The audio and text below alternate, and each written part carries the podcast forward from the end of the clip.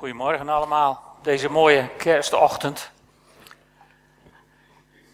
Ongeveer 750 jaar voor Christus leefde het volk Israël in diepe duisternis. De Assyriërs die hadden het noorden van Israël veroverd en de mensen die daar hoorden te wonen gedeporteerd. En ze hadden andere volken voor straf naar het noorden van Israël verhuisd.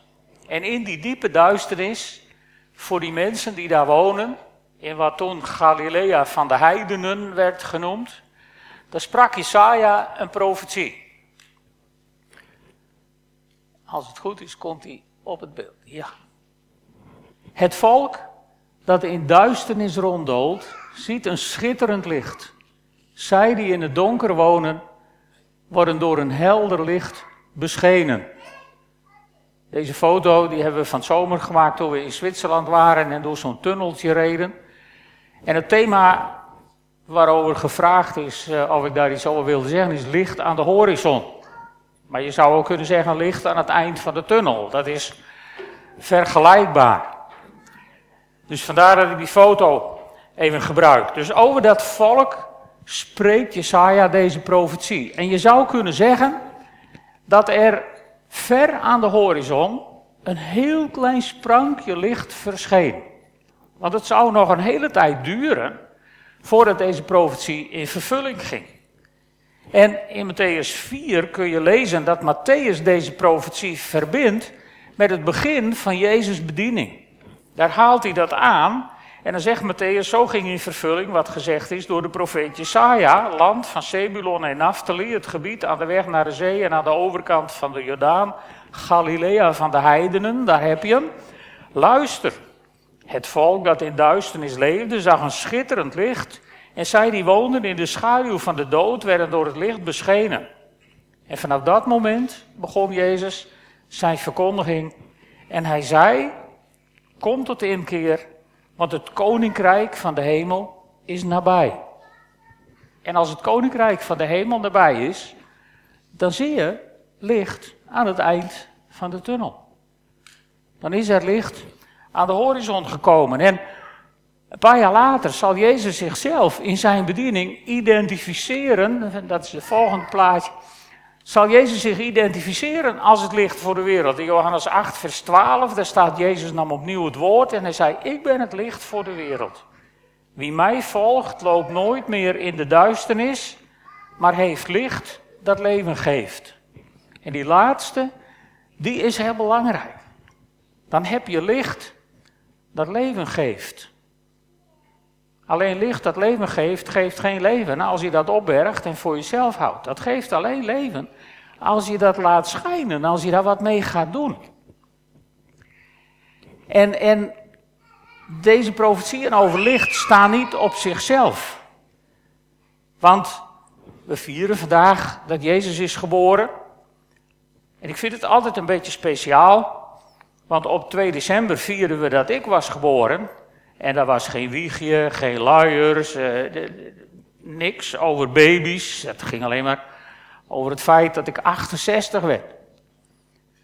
En, als we het feest van Jezus geboorte vieren, dan maken we daar het liefst dat poezelige babytje van, wat geen kwaad kan.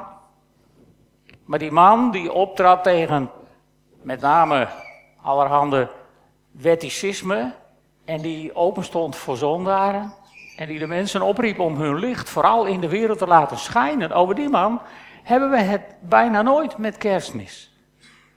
Dat babytje is natuurlijk wel aardig veilig. Maar goed, vandaag is het misschien wat minder veilig. Maar als Jezus is geboren, dan zien de herders, die zien een groot licht. Een tijdje later zien de wijzen in het oosten een groot licht waar ze achteraan gaan. En allemaal vinden ze in dat licht Jezus. Maar wat ik zo mooi vind is, als Jezus een paar weken oud is, dan komen zijn vader en moeder met hem in de tempel. En dan staat er in, in Lucas 2, daar ontmoeten ze een oude man, een profeet, Simeon. En Simeon, die, die is al oud geworden. En die heeft één woord van de Heer. En dat is dat hij de verlossing van Israël zal zien voordat hij sterft. En door de geest geleid staat er dat in de Bijbel, komt hij op deze dag in de tempel en dan ziet hij daar twee, nou ja, twee armoedzaaiers, zeg maar even, met een kindje. Niet eens in staat om een fatsoenlijk offer te brengen, maar alleen maar een paar duiven. En dat was toch echt een afgang in die tijd. En op die mensen stapt Simeon af en dan spreekt hij dit. Dan zegt hij tegen de Heer van nou, laat uw dienstknecht nu maar in vrede gaan. Het is goed zo, want, zegt hij, met eigen ogen heb ik de redding gezien die u bewerkt ten overstaan van alle volken. Dat vind ik dan zo bemoedigend, niet alleen voor Israël, maar voor alle volken. Een licht dat geopenbaard wordt aan de heidenen en dat tot eer strekt van Israël uw volk. Daar heb je dat licht weer terug. Dat licht, Simeon die ziet dat licht in het kindje Jezus. En het is goed om je dat te realiseren als je met kerst alweer de geboorte van Jezus viert.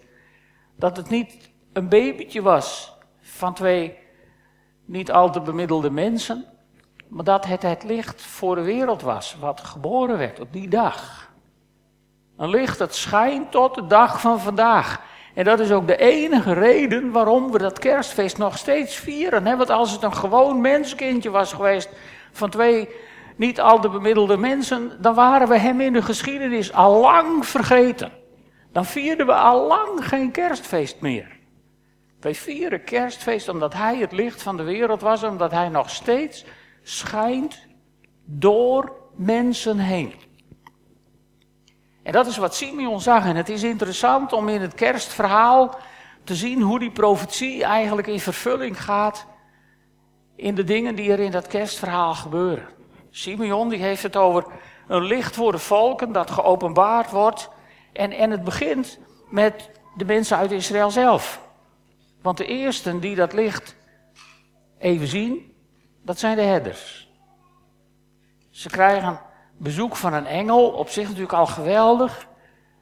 Maar dan gaan ze met z'n allen op weg en dan vinden ze Jozef en Maria en het kindje Jezus wat ze aanbidden.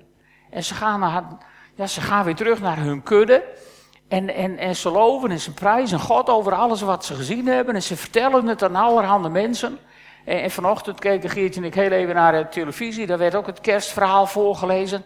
En toen zeiden we, het is eigenlijk merkwaardig dat je in de hele Bijbel nooit weer tegenkomt die getuigenissen van die herders. Kennelijk zijn ze dat in de dertig jaar daarna gewoon vergeten. Want je hoort er nooit meer wat over. Maar goed, eerst de herders vanuit het volk Israël zagen dat licht. En dan komen een tijdje later, na de profetie van Simeon, komen de wijzen uit het oosten. Mensen die wij nooit zouden hebben uitgezocht om, om, om, om Jezus te zien. Mensen met een zware occulte achtergrond die de toekomst lazen uit de ster. Die zouden wij nooit hebben uitgezocht. Nooit hebben uitgenodigd om even op bezoek te komen. Maar die, de heidenen, die komen bij Jezus vanuit hun duisternis, komen ze op zoek naar het licht, geleid door een ster. En ook zij vinden het kindje Jezus.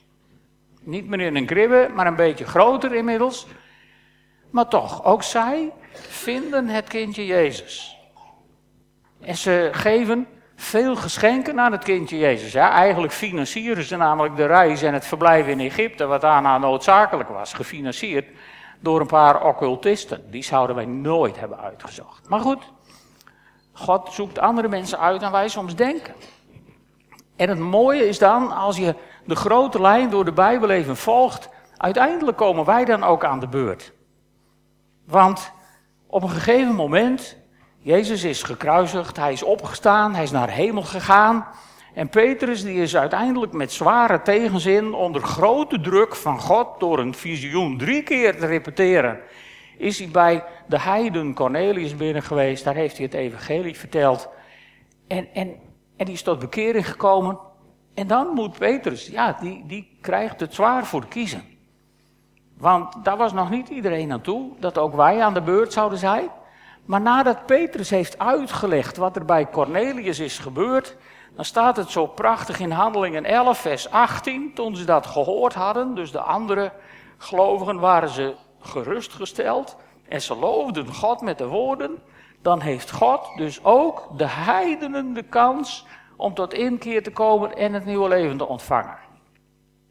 Nou, daar mag je elkaar wel even mee feliciteren op deze kerstdag. God heeft jou en mij de gelegenheid gegeven om dat licht te ontvangen. Hoe vind je die?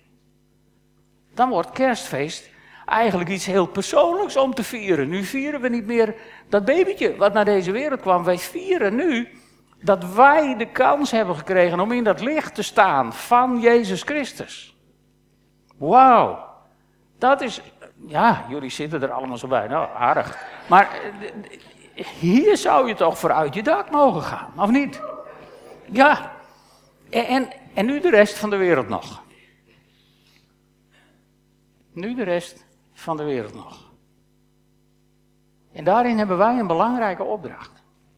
Jesaja zei 750 jaar voor Christus in Jesaja 60 vers 1, sta op en schitter, je licht is gekomen. Over jou schijnt de luister van de Heer. En lieve mensen, die profetie is over jou in vervulling gegaan. Over jou schijnt de luister van de Heer. En misschien denk je van, nou, ja, je moet mij eens zien. Nou, ik zie jou. Over jou schijnt de luister van de Heer. Niet omdat het er nu misschien afspettert, maar gewoon omdat het woord van God dat zegt. En het woord van God liegt niet. Als dat zegt dat het licht van de Heer over jou straalt, dan is dat zo. Dus neem dat nou maar van mij aan dat dat zo is. En, en 775 jaar daarna, dan zegt Jezus tegen de mensen, en dat is de nieuwe dia. Dan zegt hij zo, moet jullie licht schijnen voor de mensen. Hoe? Nou, eigenlijk heb je dat in het verhaal van Kobi gezien, met dat filmpje. Hoe moet je licht schijnen voor de mensen? Opdat ze jullie goede daden zien. En eer bewijzen aan jullie Vader in de hemel. En uh, als straks de kerstverlichting overal weer is opgeruimd, dan gaat voor veel mensen het licht weer uit.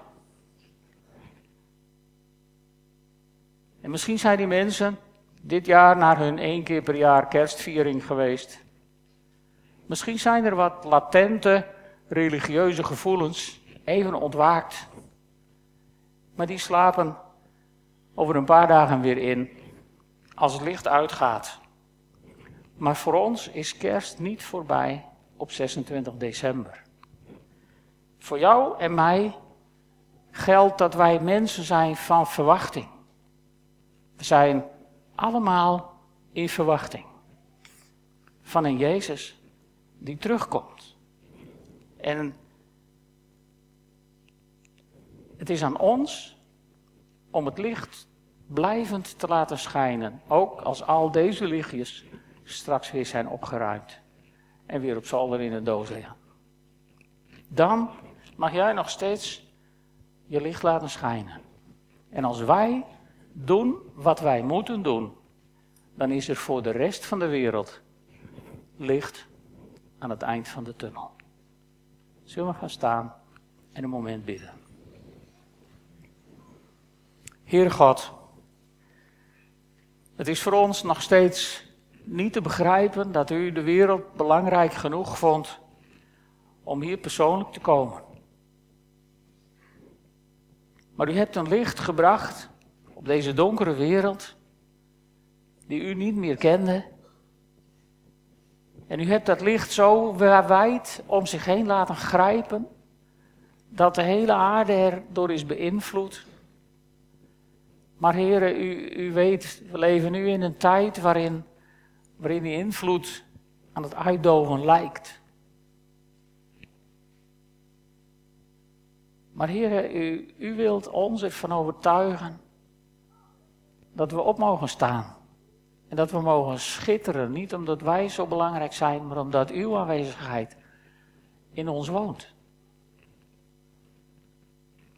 En ik bid u voor mensen die twijfelen of uw licht er wel woont. Heer, ik bid of u op dit moment die harten wilt aanraken en wilt overtuigen. Uw licht schijnt over ons. En ik bid u, Heer, als we straks de lichtjes weer hebben opgeborgen, dat het licht van u zichtbaar mag zijn in onze levens. Net zoals in het leven van die schoenmaker. Maak ons mensen die de pijn in de wereld zien, die de nood in de wereld voelen en die vervolgens niet wegzinken in hopeloosheid. Maar doen wat hun hand vindt te doen, Heer, omdat het licht van U in ons schijnt. Maak ons zo zelfbewust, Heer, dat we op zullen staan en zullen schitteren. Opdat de wereld door de kleine dingen die wij doen iets van U zal zien. En uiteindelijk Uw naam zal verheerlijken. Ik dank U wel dat Uw licht over ons schijnt in de naam van Jezus. Amen.